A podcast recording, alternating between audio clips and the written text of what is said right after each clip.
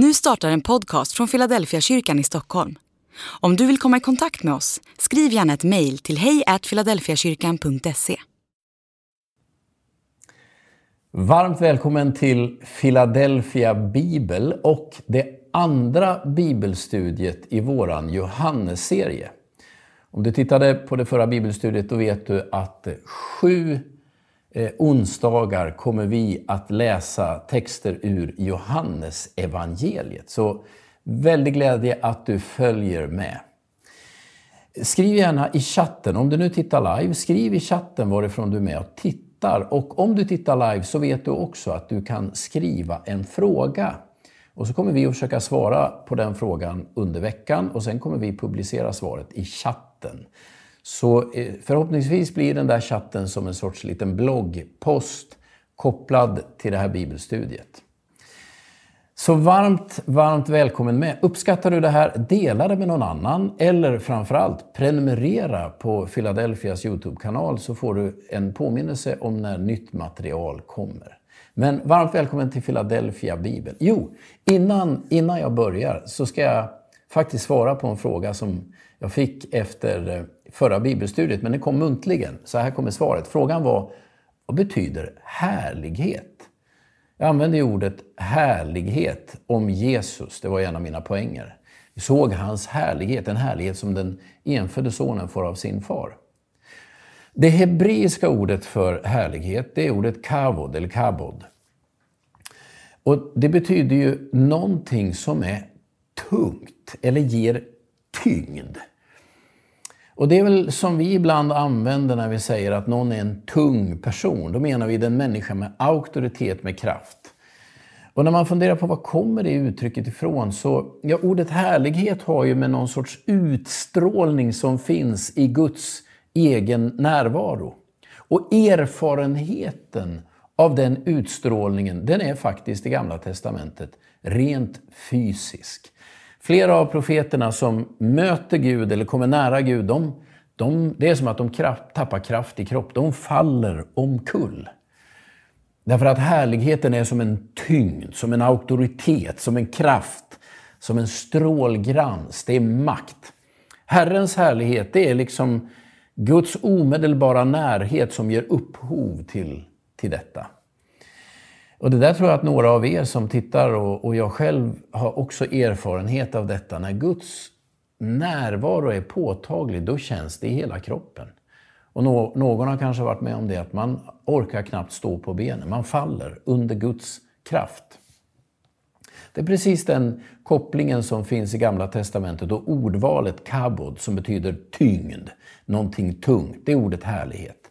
Och igen nu då, Härlighet har med Guds egen personliga närvaro att göra. Och det Johannes säger i, i sin prolog det är att den närvaron har vi sett och känt i Jesus. Det om ordet härlighet. Nu vill jag ta med dig till eh, kanske det mest kända samtalet i Nya Testamentet. Jag är inte säker, men det är samtalet mellan Jesus och den samariska kvinnan. Och det finns i Johannes evangeliets fjärde kapitel. Och låt mig nu bara, låt mig nu bara be, be dig fundera på frågan, varför står det här? Av alla olika samtal som Johannes kunde berätta om, varför väljer han att berätta det här för oss? Det är en fråga som jag ibland har med mig när en person berättar något. Varför vill du berätta det här för mig? Den frågan är ytterst relevant för när vi lyssnar till den här berättelsen. Fundera. Vad är det Johannes vill att vi ska förstå? Nu läser jag Johannes kapitel 4 från vers 7 och ett stycke framåt. En samarisk kvinna kom för att hämta vatten. Jesus sa till henne, ge mig något att dricka. Lärjungarna hade nämligen gått bort till staden för att köpa mat. Samariskan, samariskan sa, hur kan du som är jude be mig om vatten? Jag är ju en samarisk kvinna. Judarna vill inte ha någonting med samarierna att göra. Jesus svarade henne, om du visste vad Gud har att ge och vem det är som säger till dig, ge mig något att dricka, då skulle du ha bett honom och han skulle ha gett dig levande vatten. Kvinnan sa, Herre, du har inget att hämta upp det med och brunnen är djup. Varifrån tar du då det levande vattnet? Skulle du vara större än våra fäder, än vår fader Jakob som gav oss brunnen och själv drack ur den, liksom hans söner och hans boskap? Jesus svarade, den som dricker av det här vattnet blir törstig igen, men den som dricker av det vatten jag ger honom blir aldrig mer törstig. Det vattnet jag ger blir en källa i honom med ett flöde som ger evigt liv. Kvinnan sa till honom, Herre ge mig det vattnet så att jag aldrig blir törstig och behöver gå hit efter vatten. Jesus sa, Gå och hämta din man. Kvinnan svarade, Jag har ingen man. Jesus sa, Du har rätt när du säger att du inte har någon man. Fem män har du haft och den du nu har är inte din man. Där talade du sanning. Kvinnan sa, Herre, jag ser att du är en profet. Våra fäder har tillbett Gud på det här berget, men ni säger att platsen där man ska tillbe honom finns i Jerusalem. Jesus sa, tro mig kvinna, den tid kommer då det varken är på det här berget eller i Jerusalem som ni ska tillbe Fadern. Ni tillber det som ni inte känner till. Vi tillber det vi känner till. Eftersom frälsningen kommer från judarna. Men den tid kommer, ja den är redan här, då alla sanna gudstillbedjare ska tillbe Fadern i ande och sanning. Ty så vill Fadern att man ska tillbe honom. Gud är ande och de som tillber honom måste tillbe i ande och sanning. Kvinnan sa, jag vet att Messias kommer, alltså den smorde. Och när han kommer ska han låta oss veta allt. Då sa Jesus till henne, det är jag, den som talar till dig. Varför har Johannes tagit med det här samtalet? Varför vill han ge det vidare till oss? Om du fortsätter att läsa samtalet som sen följer mellan Jesus och hans lärjungar, då kan man börja förstå. Det här samtalet verkar Johannes vilja ge oss, eller det här samtalet vill den helige Ande att vi ska lyssna till, för att vi ska förstå hur man kan ge evangeliet vidare och vad det faktiskt är evangeliet erbjuder. Så låt mig ta med dig, och egentligen bara i två punkter den här kvällen. För det första vill jag tala om Jesu erbjudande, det levande vattnet, bakgrunden och hur man ska ta emot det och vad det där betyder. Och så skulle jag vilja säga någonting om att tillbe i ande och sanning. De två sakerna. Men låt mig börja där Jesus börjar.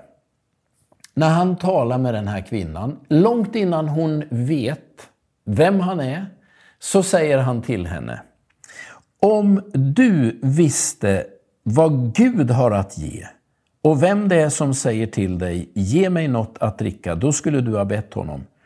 Och han skulle ha gett dig levande vatten. Den här kvinnan är en samarisk kvinna och det betyder att hon inte hade den rätta tron, åtminstone inte så som man såg det på Jesu tid. De hade de fem Moseböckerna, men man hade också en del andra religiösa inslag som, som vi idag kanske skulle beskriva som synkretism. Alltså man hade blandat lite olika religiösa föreställningar från olika ursprung. Och så hade man byggt ett eget tempel på berget Gerizim. Alltså man ville inte till Jerusalem och tillbe. Och det där templet det stack i ögonen på Jesu judiska samtid och hade gjort under lång tid. makabéerna, ett par hundra år tidigare, hade rivit ner templet därför att man ansåg att det där är en hädelse. Platsen för sann gudstillbedjan är i Jerusalem, men samarierna byggde upp det igen. Där har du bakgrunden till hennes fråga. Var ska vi be?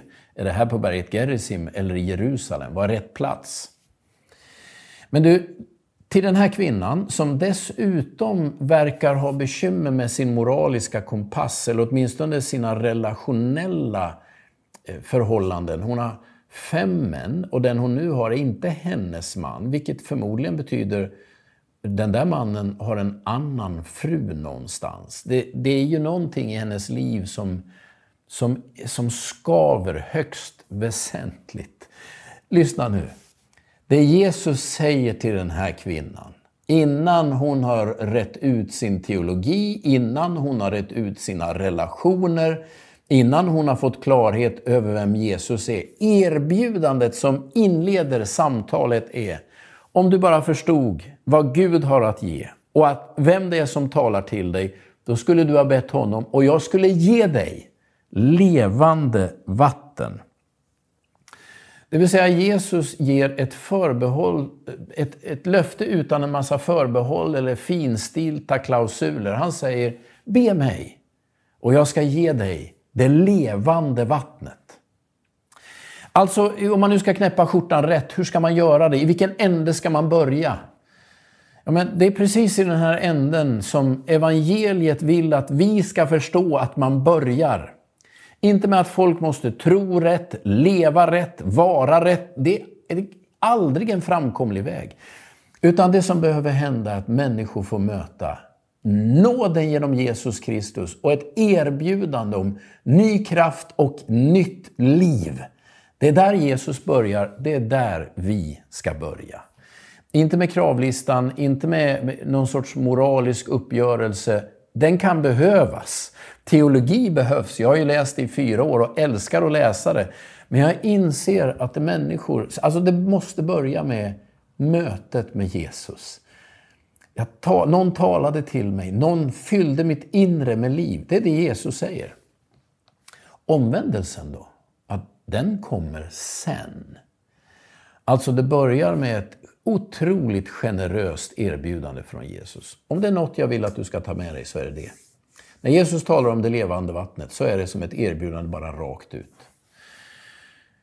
Det levande vattnet, det är ju en bild som förekommer och den återknyter till Gamla Testamentet. Jag ska bara ge dig två bibeltexter som, som förmodligen Jesus, eller tre, förlåt, tre bibeltexter som Jesus alldeles tydligt lutar sig in i.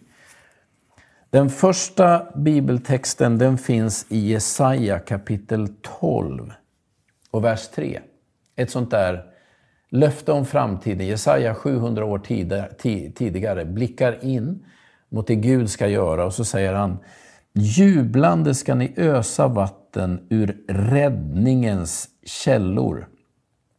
Den dagen ska ni säga Tacka Herren, åkalla honom, berätta för folken om hans verk, förkunna hans upphöjda namn. Ni ska ösa vatten ur räddningens källor. Det är helt säkert den där typen av profetier som, som ringer i bakhuvudet på Jesus. Och det han egentligen säger i det här samtalet är Nu är tiden här. Eller Jesaja kapitel 55 och vers 1. Det här låter ju som ett direkt citat ifrån Johannes kapitel 7. Kom alla ni som törstar, kom hit och få vatten. Det vill säga Jesaja, när, när Jesaja profetiskt talar om frälsningens tid, om, om Guds återupprättande, då förekommer det rikligt av vattenkällor som man öser ur, dricker ur. Samma är det i Hesekiel. Hesekiel som kanske den profet som allra tydligast uttalar Guds dom över templet i Jerusalem. Ser hur härligheten, ni vet Guds tyngd och närvaro, lyfter sig från templet och försvinner bort. Men som avslutar sina profetier med att templet ska återupprättas och härligheten komma tillbaka. Och lyssna nu. Min uppfattning är att uppfyllelsen av Hesekiels profetier och det där templet som återupprättas med härligheten, precis vad Johannes återknyter till i prologen, det är genom Jesus detta händer. Och så berättar Hesekiel om hur en källa bryter fram ur detta tempel. Låt mig bara läsa från Hesekiel kapitel 47 och så vers 9. Där floden rinner ut ska det vimla av vatten. Fisk ska finnas i överflöd. Där detta vatten rinner ut blir allt vatten friskt. Där floden rinner ut kan allt leva. Om du läser Johannes evangeliet i sitt större sammanhang så blir det tydligt att när Jesus talar om det levande vattnet, då är det den helige Ande det handlar om.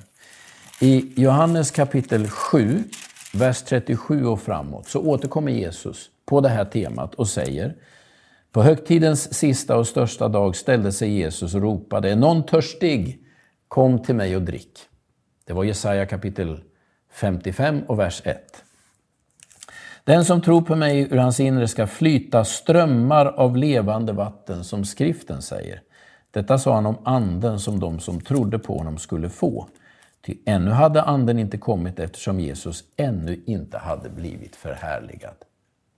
Här är det sagt rakt ut, detta är löftet om den heliga Ande. Så tillbaka till kvinnan vid Sykars brunn. Det Jesus inleder samtalet med att säga det är. om du bara ber mig, då ska jag låta strömmar av levande vatten flyta ur ditt innersta. Och igen, han säger det innan hon har fått ordning på sin teologi, innan hon har fått ordning på sitt liv, innan hon har fått alla bitar på plats. Det är en sån generositet. Detta är evangelium. Detta är det erbjudande som, som varenda svensk församling, kyrka, kristen, har att ge till människor där de finns. Ja, men tänker vän av ordning, ska inte folk reda ut saker? Behöver de inte omvända sig? Nej, men Jesus verkar ge detta löfte till kvinnan direkt. Det är inledningen på samtalet och det är inledningen på en väg tillsammans med Jesus. Ja, men det där med att få strömmar av levande vatten ur sitt innersta. Tänk nu att detta är ett ökenland där levande, det vill säga rinnande, friskt vatten ständigt var det man sökte efter. Rinnande vatten, levande vatten, håller sig friskt. Det leder inte till sjukdomar eller, eller myggor eller något sånt där. där. Där vattnet rinner, där kan man leva. När han talar om den heliga Ande som strömmar av levande vatten så är det ju någonting som är otroligt livsbejakande. Bara positivt. Det här kommer att ge någon sorts ny energi in i ditt liv. Hur får man detta? Hur tar man emot det?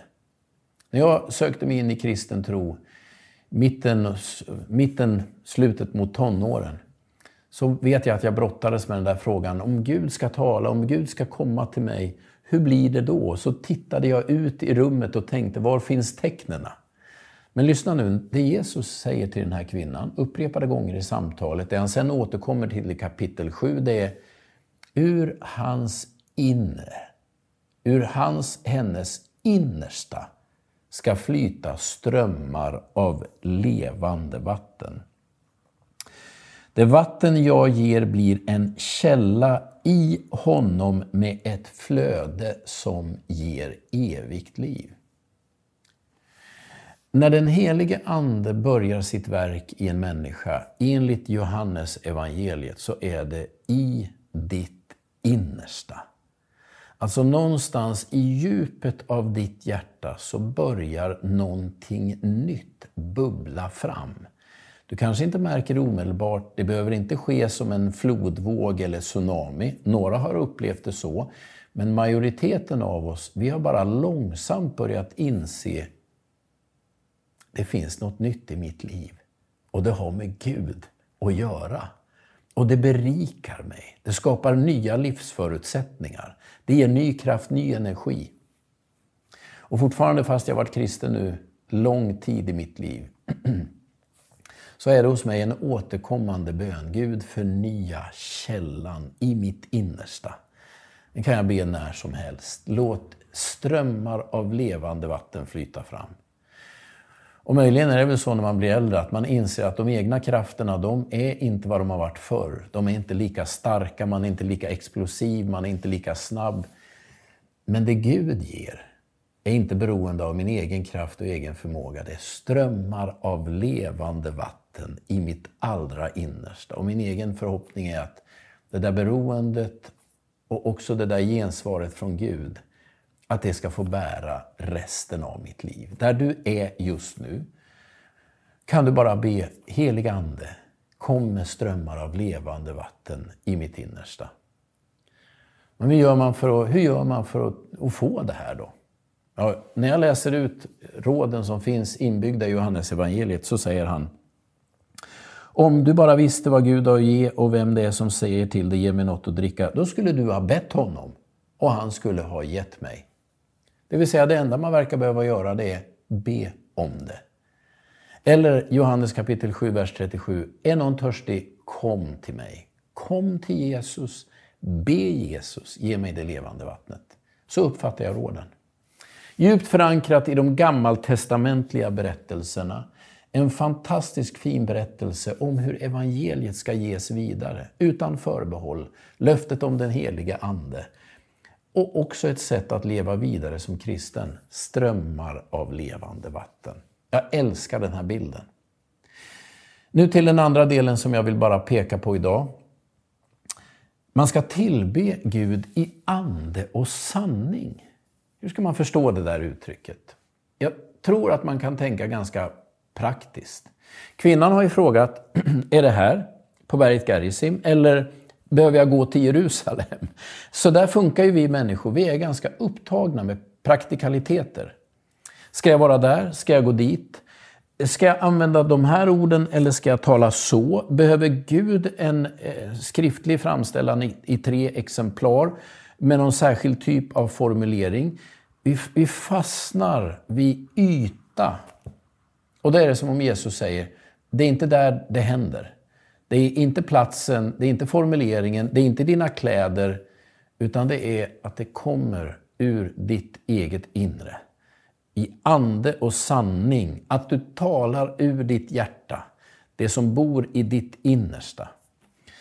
Det vill säga, Gud är inte beroende av tid och rum och plats, utan precis var du finns, oavsett dina omständigheter, även om du aldrig har bett en bön förut, så kan du, där du är, bara vända dig till Gud i ande och sanning. Så här är det Gud, så här har jag det verkar ju faktiskt som att den som talar sanning inte försöker förställa någonting, har närmare väg att gå till Gud än den som på något sätt försöker upprätthålla en fasad. Det här återkommer ju gång på gång i Jesu liknelser, där han beskriver den som ber genom att räkna upp sina egna goda gärningar, sin egen förträfflighet. Och så jämför han det med en tullindrivare som står längst ner och säger förbarmar över mig, jag är en syndare. Vem är det som, vem är det som Gud hör? Ja, men den som säger sanningen och som inte förhäver sig. Alltså, du måste inte vara på rätt plats. Du behöver inte ha rätt ord, men du behöver på något sätt vara sann, våga säga som det är och du ska tala från Gud ur ditt hjärta. Jo, jag vill säga gå till kyrkan. Jag tillhör de som tror att det är i gemenskapen, i Guds församling, som man både kan höra Gud tala, känna Guds närvaro och faktiskt genom andra människor få en sorts beröring av Jesus själv. Församlingen har ett starkt egenvärde. Men jag tror att det Jesus säger när han talar om bön är, lås dig inte vid de yttre frågorna. Det är i Matteus kapitel 6 samma sak när Jesus talar om fariseerna och kallar dem hycklare. Och med hycklare, det grekiska ordet hypokrites betyder ju faktiskt skådespelare. Om du bara tänker dig tillbaka till det antika skådespeleriet, då, är, då var ju en skådespelare en människa som hade en ansiktsmask på en pinne, höll upp den framför ansiktet som en mask. Tog bort den, tog dit en annan mask. Det där kan du se om du ser en del reklamannonser för teatrar, så har du en glad och en ledsen mask från den antika teatern då skådespelaren hade en mask framför ansiktet. Då säger Jesus, det där sättet att be, att försöka maskera sig själv, hyckleri, det hör inte Gud. Och så blir hans svar när du ber, gå in i din kammare, stäng dörren och be sen till Gud som ser i det fördolda. Då kan man ju tänka, ja, men då ska man inte gå på gudstjänst, man ska inte vara bland folk. Nej, det är, det är att missförstå det. Men det Jesus talar om det är, när du ber, agera inte för publik. Det är oväsentligt. Du talar till Gud i ande och i sanning, direkt till Gud. Behöver inte gå någon omväg. Så kvinnans fråga, var ska jag vara? Vad är rätt plats? Vad är rätt hållning? Då säger Jesus, det är inte det väsentliga. Det väsentliga är att där du är, som du är, kan du tala till Gud direkt. Det här återkommer ju i Hebreerbrevet och jag vill avsluta med att ge dig kapitel 4, ett av de uppmuntrande orden som ändå säger att vägen är öppen. Hebreerbrevet kapitel 4 och vers 15. Vi har inte en överstepräst som är oförmögen att känna med oss i våra svagheter, utan en som har prövats på alla sätt och varit som vi, men utan synd. Låt oss därför frimodigt träda fram till nådens tron för att få förbarmande och nåd i den stund då vi behöver hjälp.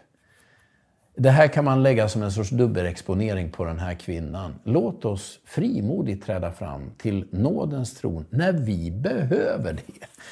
Och räkna med att du får förbarmande och nåd när du behöver hjälp. Det är precis det Jesus erbjuder kvinnan. Att tillbe i ande och sanning är någonting som varenda människa är kapabel till. Det vill säga, bort med masken. Det är inte geografi det handlar om. Utan det är på något sätt att säg som det är. Och kom ihåg att Jesus förstår hur det är att vara människa. Han har varit som vi, men utan synd. Därför kan du, var du än är, hur det än ser ut, bara kliva rakt fram till nådens tron och be om hjälp. Och innan jag avslutar den här kvällen så skulle jag bara vilja ta med dig i den bönen. Låt oss be tillsammans. Jesus, jag vill tacka dig att vägen till dig aldrig är lång, den är alltid enkel och det går att gå den var man än befinner sig. För till dig kan man komma i ande och sanning.